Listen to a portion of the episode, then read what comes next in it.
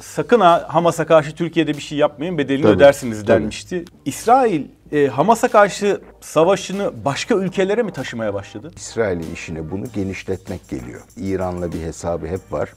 O hesap görülmüş olacaktı. İsrail'in Hizbullah'ı yoğun bir şekilde vurması otomatik olarak İran'ı savaşa sokar mı? Epey bir zamandır Beyrut'ta yaşıyordu. Beyrut'ta Hızbullah'ın koruması altındayken İsrailler onu orada vurdu. Sevmesi için bir sebep de yoktur. Ne mal bir adam olduğunu da bilir. E, yanlış bir tercih yaptı sanıyorum. Mossad Türkiye'yi bir operasyon alanı haline getirebilir mi? Çok akıllıca bir iş olmaz diye düşünüyorum. Münih'te nasıl sabırla beklediysek bunları yapacağız demeye getiriyorlar. Burada eğer hala kalmış bir Hamas lideri varsa e, günün birinde bir trafik kazasında ölecek olursa filan biz şaka yapmıyoruz. Siz de ona göre ayağınızı denk kadın mesajını vermiş olabilir. Bu bir sataşma mı yoksa Sa- bir yol e, e, sataşma tabii. Arap devletlerinin Filistinler ölüyor diye çok sıkıntı yani çok büyük bir e, vicdan azabı çektiğini falan da sanmıyorum. Merhaba. Ee, Hamas'ın İsrail'e, İsrail'in de Hamas'a saldırmasının ardından olayların bölgede hızla yayılabileceği ve başka ülkeleri de içine alabilecek şekilde genişleyeceğine dair endişeler vardı. Aradan geçen haftalarda bunun çok da yersiz olmadığına dair kanaatler var. Nitekim son birkaç günde olanlar bu ihtimalin sürdüğünü gösteriyor bize. Soli Özel'le bu durumu konuşacağız ve olaylar nereye doğru evrilebilir? Bunun üzerine birazcık kafa yoracağız. Soli çok teşekkürler geldiğiniz. Rica ederim. Şimdi e, İran'da Kasım Süleyman'ın anmasında e, terör saldırısına maruz kalan ve ölen yüzden fazla kişi. E, Lübnan'da Hamas'ın üst düzey yöneticilerinden birinin, önemli yöneticilerinden birinin Salih Aruri. nin öldürülmesi ve Türkiye'de de 30'dan fazla Mossad'la bağlantılı kişinin yakalanmış olması. E, En az şeyi de onunla ilgili olarak biliyoruz. Evet. E, ama onun da bir evveliyatı var.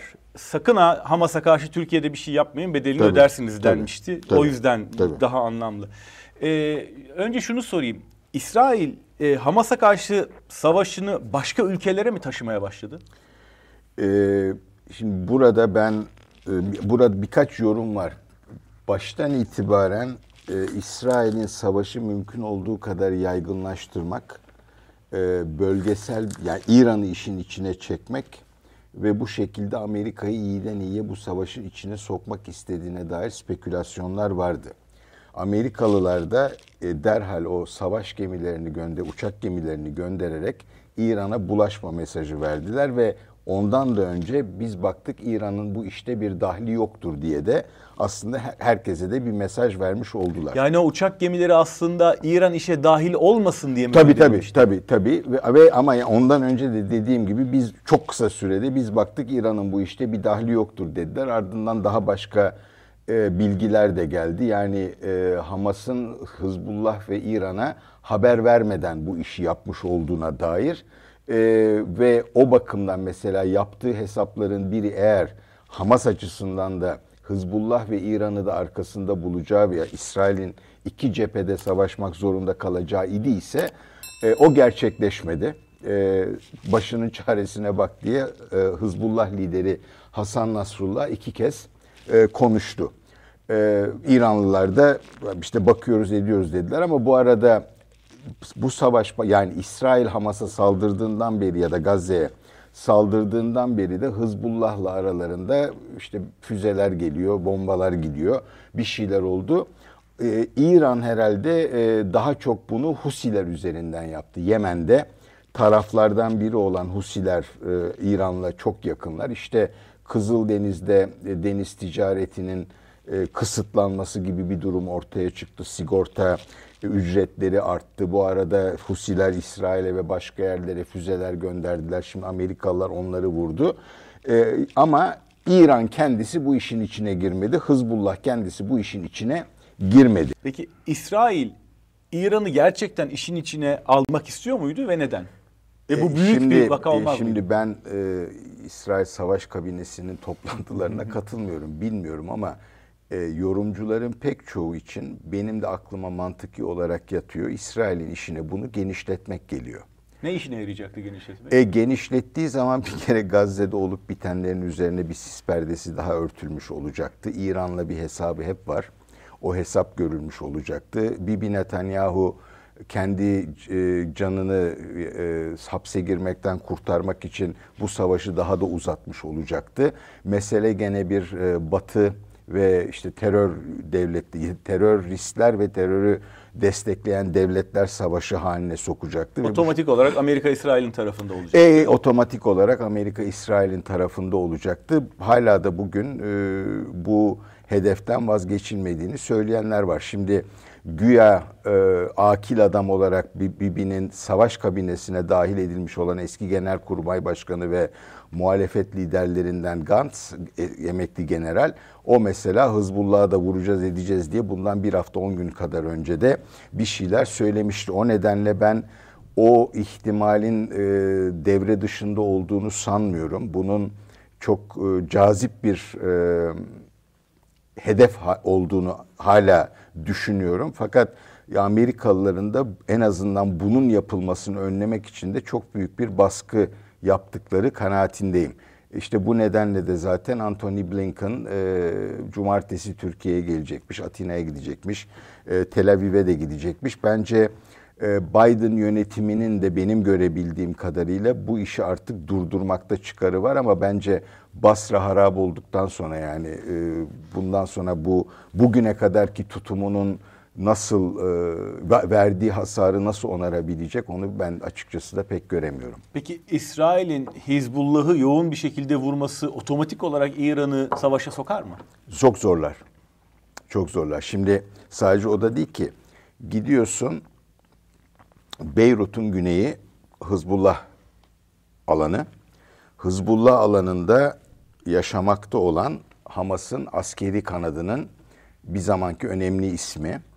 Ee, Türkiye'de de bir ara 2014'te yapılan e, değiş tokuşta iki İsrailli karşı askere karşı 1027 Filistinli e, tutuklu, tutuklu değil pardon mahkum serbest bırakılmıştı. Bunların 14'ü yani İsraillerin terörle en yakın bağlantı içinde gördükleri den 14'ü Türkiye'ye gelmişlerdi. Bir daha bulaşmamaları kaydıyla Aruri bunlardan birisiydi ve İsrailliler Aruri'nin Türkiye'de olduğu sıralarda onun e, Hamas'ın düzenlediği terör eylemlerine nin beyni olduğunu da çok iddia ettiler.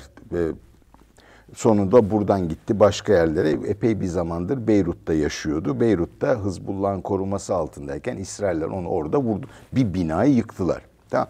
Şimdi bu tabii büyük bir provokasyon. Nasrullah da zaten bunun üzerine intikamını alacağız işte bilmem ne filan bir şeyler dedi. Yapmak da zorunda hissedecektir kendini. Çünkü benim anladığım kadarıyla da okuduklarıma istinaden söylüyorum. Hızbullah'ın içinde de bu işte biz kenarda durmayalım, yardımcı olalım vesaire diyenler de var.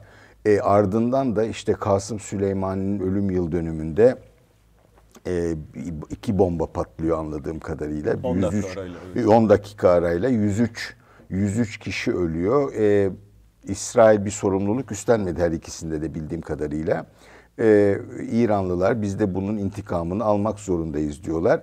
Şimdi herhalde yani biz seninle burada konuşurken arkada herkes birbirine bir takım mesajlar gönderiyordur. Yani Katar üzerinden mesaj geliyordur. Bu arada reisinin buraya olan ziyareti de Ertelendi. bir kez daha ertelendi. Herkes herhalde birbirine mesajlar veriyordur. Aman bu işi uzatmayalım, büyütmeyelim diyenler olduğu gibi e, buna mutlaka bir cevap vermemiz gerekir diyenler de herhalde vardır diye tahmin ediyorum. Bu e, Gazze'ye yönelik e, katliam derecesine varmış olan saldırı ne kadar uzarsa ki İsrailliler bir durdular bu yıllarca da sürebilir filan da diyorlar. Bu ne kadar uzarsa yaygınlaşma ihtimalinin de o kadar güçlü olduğunu pek çok insan zaten söyledi. Ee, şu anda Amerikalılarla İsrailliler arasında ne tür konuşmalar yapılıyor onu merak ediyorum. Çünkü Biden bir kumar oynadı. Ben İsrail'e sınırsız destek veriyor gibi görünürsem bunlar 2-3 hafta yapacaklarını yaparlar. Ondan sonra e, dururlar diye bekledi. Bir nefret de eder.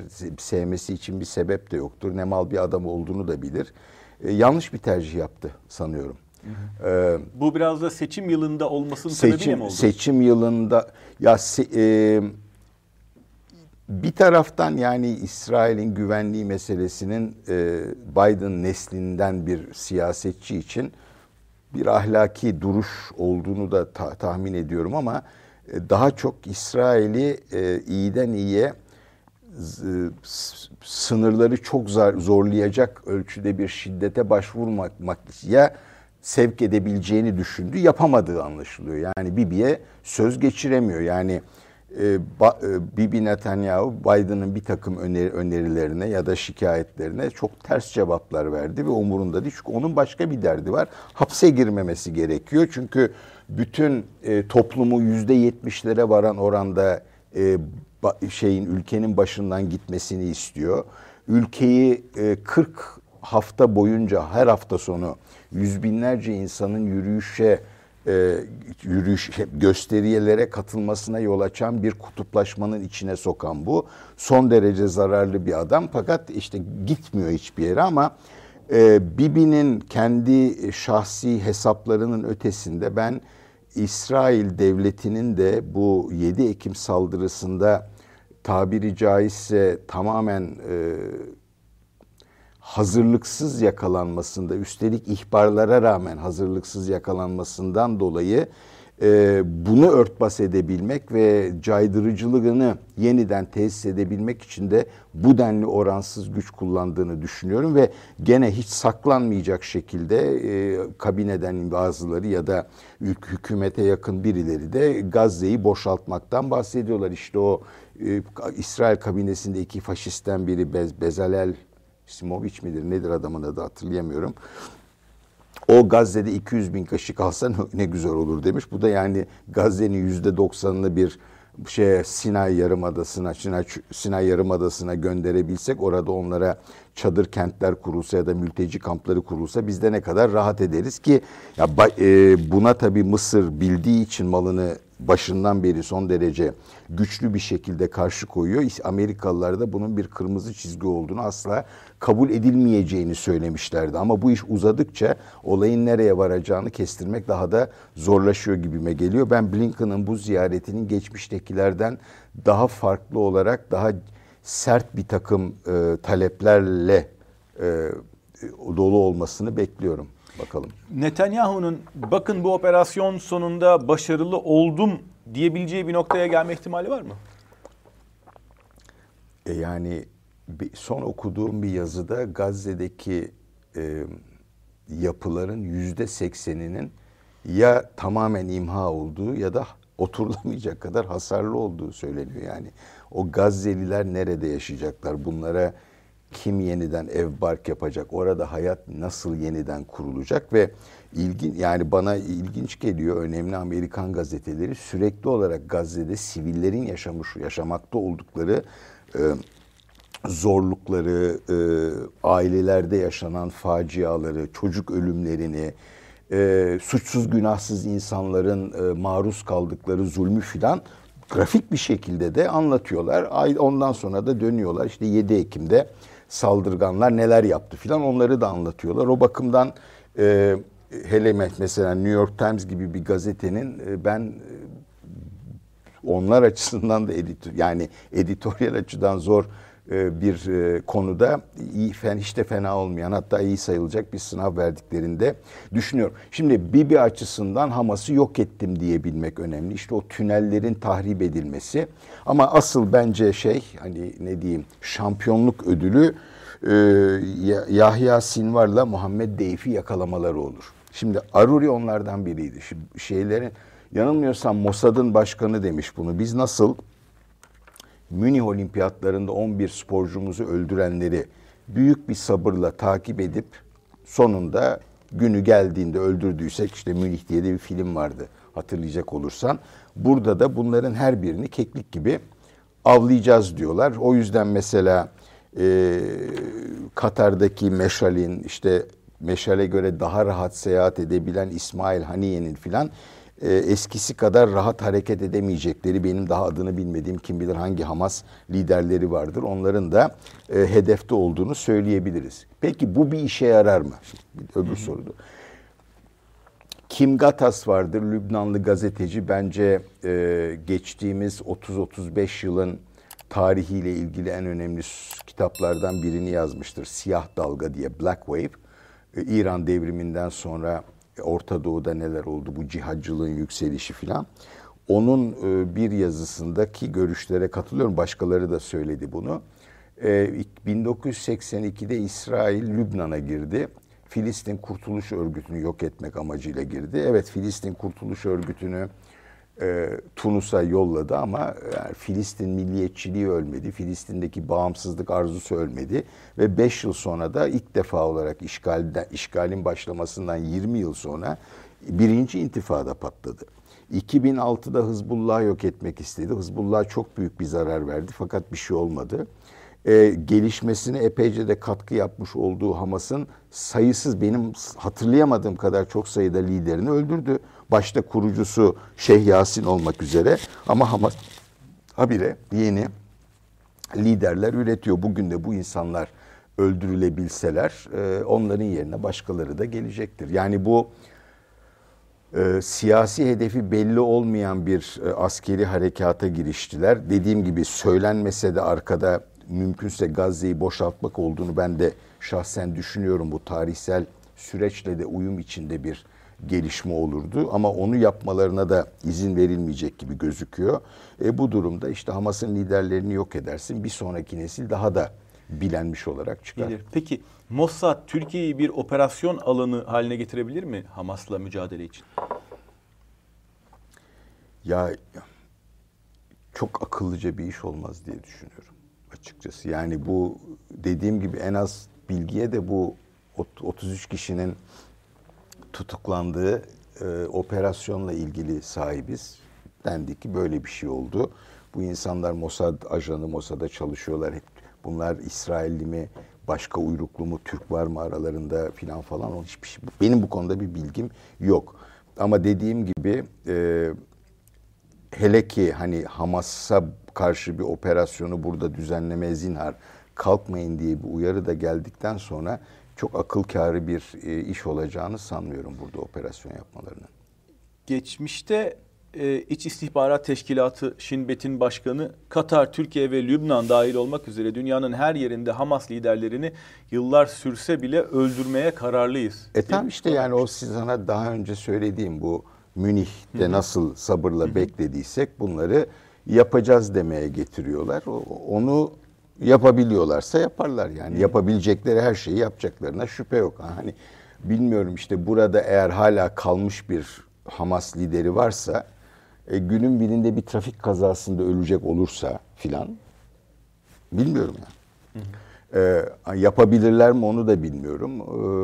E, ama yani işte zaten bulundukları yerlerde belli. Katar'dalar, e, Lübnan'dalar, Suriye'ye yeniden dönebilirler mi ya da İran'a kaçabilirler mi? İran'da saklanabilirler mi? Hakikaten o konuda bir bilgim yok. Türkiye'de vardı.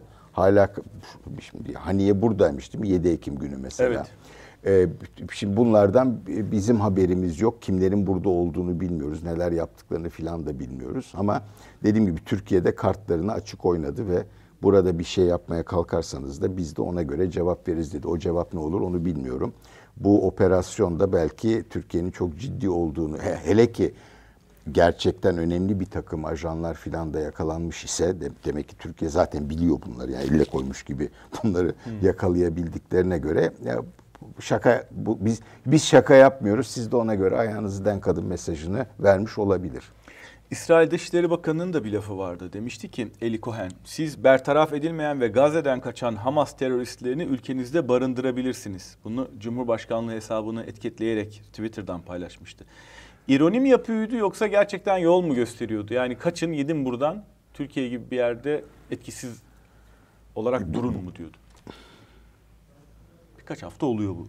Evet onu hatırlıyorum. Ee, Hamas liderlerine hitaben hı hı. söylemişti bunu. Evet. Yani Aa, aslında Türkiye Cumhuriyeti Cumhurbaşkanlığı'nı etiketliyor. Diyor ki siz bertaraf edilmeyen ve Gazze'de, Gazze'den kaçan Hamas teröristlerini ülkenizde barındırabilirsiniz. Ha. Bu bir sataşma mı yoksa Sa- bir yol gösterimi? E, sataşma tabii. Yani bir ülkenin Cumhurbaşkanlığını hashtagle e, böylesi bir mesaja koydu, eklediğiniz zaman elbette bu bir sataşma. O sırada zaten Türkiye ile yani İsrail'den Türkiye'nin tavrına, e, Türkiye'de konuşulanlara yönelik çok sert mesajlar geliyordu. Bu, bu biraz da yani şey en azından diplomatik adaba fazlasıyla haykırı bir ülkenin dışişleri bakanının böyle konuşması herhalde. Öyle yani bir e, şey ne denir çıtayı yükseltme e, idi bu. Sonradan çıkmadı pek yani bundan sonra benzer e, bir sert benzer sertlikte ya da küstahlıkta bir mesaj benim bildiğim kadarıyla çıkmadı. Erdoğan'dan çıktı e, dedik işte e, soykırımcısınız Hitler'den farkınız ha, tamam, yok diyerek onları zaten Erdoğan söyle, tabii, yaptı. Tabii, o tabii. sıfırdan yüze çok hızlı çıktı çünkü tabii, ilişkiler orada. Tabii. Peki bu kadar hızlı reaksiyon ve bu ölçekte bir reaksiyon vermeseydi Erdoğan'ın ve Türkiye'nin bu süreçte bu işin yönetilmesi için bir rolü olabilir miydi? Ben olabilirdi diye düşünüyorum. Ee, ve Cumhurbaşkanı'nın başlangıçta itidal tavsiye ederken e, sonradan üslubunu da konuşmalarının içeriğini de çok radikal bir şekilde değiştirmesinin de daha çok iç politikayla ve herhalde önümüzdeki yerel seçimlerle bağlantılı olduğunu düşünüyorum. Hayır bunlara söylediklerine inanmıyordu oldu, olduğunu iddia edecek değilim ama başlangıçta da aynı şeylere inanırken farklı konuşuyordu. Farklı bir yaklaşım içindeydi ve tabii o zaman Türkiye'nin e, her iki tarafla da ilişkisi olan bir ülke olarak e, güvenilebilecek. Yani unutmayın bu 7 Ekim olmayaydı Aralık ayında geçtiğimiz ay Bibi Netanyahu burada Türkiye Cumhurbaşkanı misafir olacaktı. E, yani Eylül ayında daha şeyde Birleşmiş Milletler e, Genel Kurulu toplantılarında ikisi buluşmuşlardı. E, e, bu üslupla tabii e, çok uzun bir süre Türkiye'nin en azından İsrail indinde güvenilir bir e, ara bulucu diye görülmesi herhalde pek mümkün olmayacaktır. Ve nitekim baktığın zaman da şu anda taraflar arasındaki ara buluculuk işlerinde yükün çok çok büyük bir bölümünü Katar ve Mısır çek, e, yüklendiler. İkinci bir şey daha var. Ona burada pek dikkat etmiyoruz.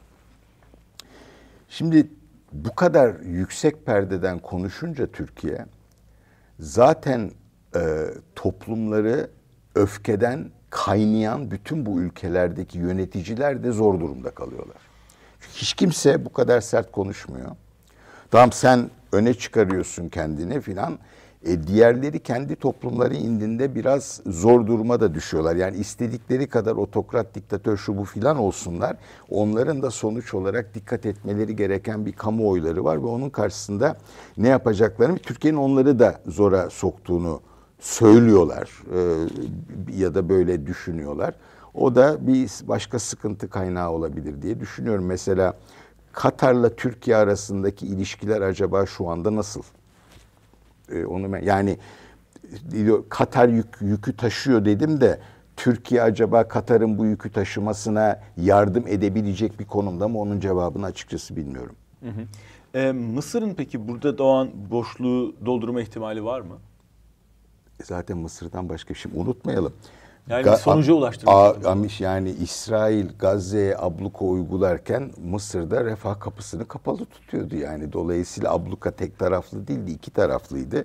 Çünkü yani iki nedeni var. Bir e, Müslüman kardeşlere karşı darbe yapmış olan bir yönetimi var bugün e, Mısır'ın ve Hamas'ta Gazze'deki Müslüman kardeşler. Bu bir iki herhangi bir şekilde Gazze'den çıkma imkanı verildiği takdirde İsrail'in mümkün olduğu kadar çok sayıda insan atmak isteyeceğini de Mısırlılar çok iyi bilirler ama e, çifte pasaport taşıyanlar yani e, başka ülkelerin de vatandaşı olan Filistinlilerin Gazze'den e, refah kapısı yolunda yoluyla çıkmalarına izin verildi.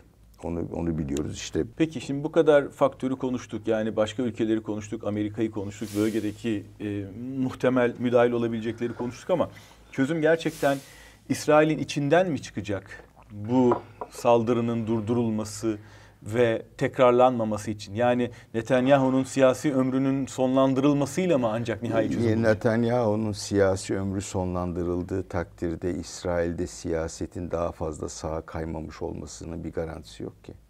Hatta yani benim de sözüne güvendiğim ve solcu olan e, bazı İsrailli yazarlar bu olayın ardından İsrail siyasetinin daha da sağa kayacağını söylüyor. Şimdi şöyle diyeyim. Çok dikkatimi de çekti iki olay. Bir, Gantz. Hani uzun boylu işte hani daha böyle dünyanın iş yapmak istediği mavi gözlü bilmem ne filan bir adam. Ya bu adamın iki devlet iki devletli çözüm diye bir derdi hayatı boyunca olmamış eski genelkurmay başkanı. Ee, dolayısıyla de ki Bibi gitti Gantz geldi. Yani bugünkü bu 7 Ekim'le birlikte fışkırmış olan yüzyılların birikimi, e, korkular, e, e, tarihsel hatırlamalar bilmem neler filan falan bunlar yok kolay kolay yok edilemeyecek. İstediği kadar şiddet uygulasın, Gazze'yi yerle yeksan etsin, İsrail'in e, kendi vatandaşlarını koruyabileceğine dair güven sarsıldı. Bunun onarılması çok kolay olmayacak. Bu bir kere işin bir tarafı. Şimdi bir başka şey bu dikkatimi de çok çekti. Şimdi İsrail'in eski Şinbet başkanlarından Ami Ayalon var. Bir de eski Mossad Başkanı Efraim Halevi var. Bunlar Amerikan Dışişleri Bakanlığı'nda çok uzun yıllar yani beş başkanla çalışmış olan Aaron David Miller'ın bu seninki gibi programında 58 dakika konuştular. Tamam mı? Bu iki insan ikisi de bir şekilde iki devletli çözümden yana zamana yayılarak gerçekleşebilir. İşte şu olmalı bir. Ya 58 dakika içinde o üç kişiden yani barışı istediklerini beyan etmiş olan bu üç kişiden biri dahi ne yerleşimci dedi ne yerleşim bölgeleri dedi. Şimdi ben barış nasıl bunlar bu, bu iki kelime geçmeden barış nasıl tartışılır benim aklım almıyor e, doğrusunu söylemek gerekirse. Yani herkes Gazze'ye bakarken yerleşimciler ellerinde silahlar arkalarında İsrail ordusunun rezervleri ki muhtemelen yerleşim bölgelerinden geliyor da bir kısmı. 200'ün üzerinde Filistinliyi öldürdüler. Köyleri boşaltmaya kalktılar. Her türlü şiddeti uyguladılar.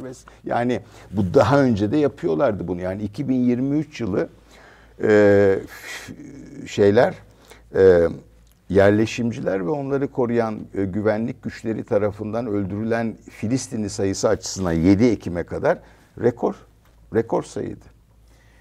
Hamas bu 7 Ekim saldırısıyla bu meselenin bir çözüme ulaşmasını da uzun bir süre engellemiş. O öyle bir derdi olduğunu sanmıyorum. Yani ham, şimdi Hamas bununla neyi hedefliyordu sorusu var. Dedim bir hesap yanlışı yaptıklarını şahsen düşünüyorum. Yalnız da dedim pek çok insan da düşünüyor. Hani İran'la Hızbullah işin içine katarım. Fakat asıl meselesi şuydu. Filistin meselesi dendiği zaman kendisinin birinci derecede muhatap alınması gereken bir örgüt olduğunu kanıtlamak ve bu davaya kendisine sahip çıktığını düş söylemek istiyordu. İyi de o kadar ağır bir bedel ödetti ki kendi Toplum. güya yani hakkını savunduğu topluma bu ıı, yaşanan facia e, bu katliam sonucu ortaya çıkan ölü yaralı e, bilançosu şekillendiğinde İsrail'e yönelik nefret artacaktır filan kabul de birileri de herhalde dönüp siz ne siz ne düşündünüz de bu işi yaptınız? Nasıl bu kadar yanlış bir hesap yapabilirsiniz diyeceklerdir diye de açıkçası tahmin ediyorum. Sıkıntı şurada. Hamas bunu bu şekilde yaptı. Ya Batı Şeria'da meşru insanların güvenebileceği, hakikaten Filistin halkının çıkarlarını koruyabilecek dirayete, namusa sahip bir yönetim yok. Ben Hasan Cemal ile birlikte 2005 yılında başkanlık seçimlerine gitmiştim. Hatta Ramallah'da e, Mahmut Abbas'ın basın toplantısına katıldık. Ben hatta soru bile sorabilmiştim. Adam 5 yıllığına seçildi. Aradan geçti 19 yıl. Ve tamamen çürümüş bir e, yapı var orada da. E, yani Filistin yönetimi gitsin Gazze'de de, görevi devralsın. Bu şaka bile sayılamayacak kadar kötü bir önerme. Buradan nasıl çıkılacağını kimsenin bildiğini sanmıyorum. Dediğim gibi Hamas'ın da bir hata şey bir hesap hatası yaptığını sanıyorum ama işte dediğim gibi yarın Yahya Sinvar'ı yahut da Deif'i öldürmeyi başarsa İsrailler eğer şimdiden kaçmadılarsa filan e, onların yerine başkası gelecek. Muhammed bilmem kim gelecek, Ahmet bilmem kim gelecek. E, bu, bu, bu şekilde devam edecek. Bu sürdürülemez. Soru aslen şu bence. Filistin meselesi artık önemini yitirmiştir. Biz bunu bir kenara koyup Orta Doğu'da yeni bir güvenlik dengesi kuralım hedefiyle şekillenmiş İbrahim anlaşmalarının bu şekilde gerçekleştirilemeyeceği ortaya çıktı. Arap devletlerinin Filistinler ölüyor diye çok sıkıntı yani çok büyük bir e, vicdan azabı çektiğini falan da sanmıyorum ama dediğim gibi bir kamuoyları da var. O zaman Filistin meselesi çözülmeden demek ki biz daha büyük stratejik hedeflere ulaşamıyoruz diyecekse bir Amerika Birleşik Devletleri ve diğer devletler bu felaket o konuda yolun açılmasına sebep olur mu? O yol açılırsa o yolda nasıl gidilecek? Hangi adımlar atılmalı? Bunun kaynakları nereden gelecek? Onların tartışılması gerekecek ama önce silahların susması daha doğrusu İsrail saldırısının bitmesi lazım. Böyle çok teşekkür ederim. Çok sağ olun. Ben teşekkür ederim.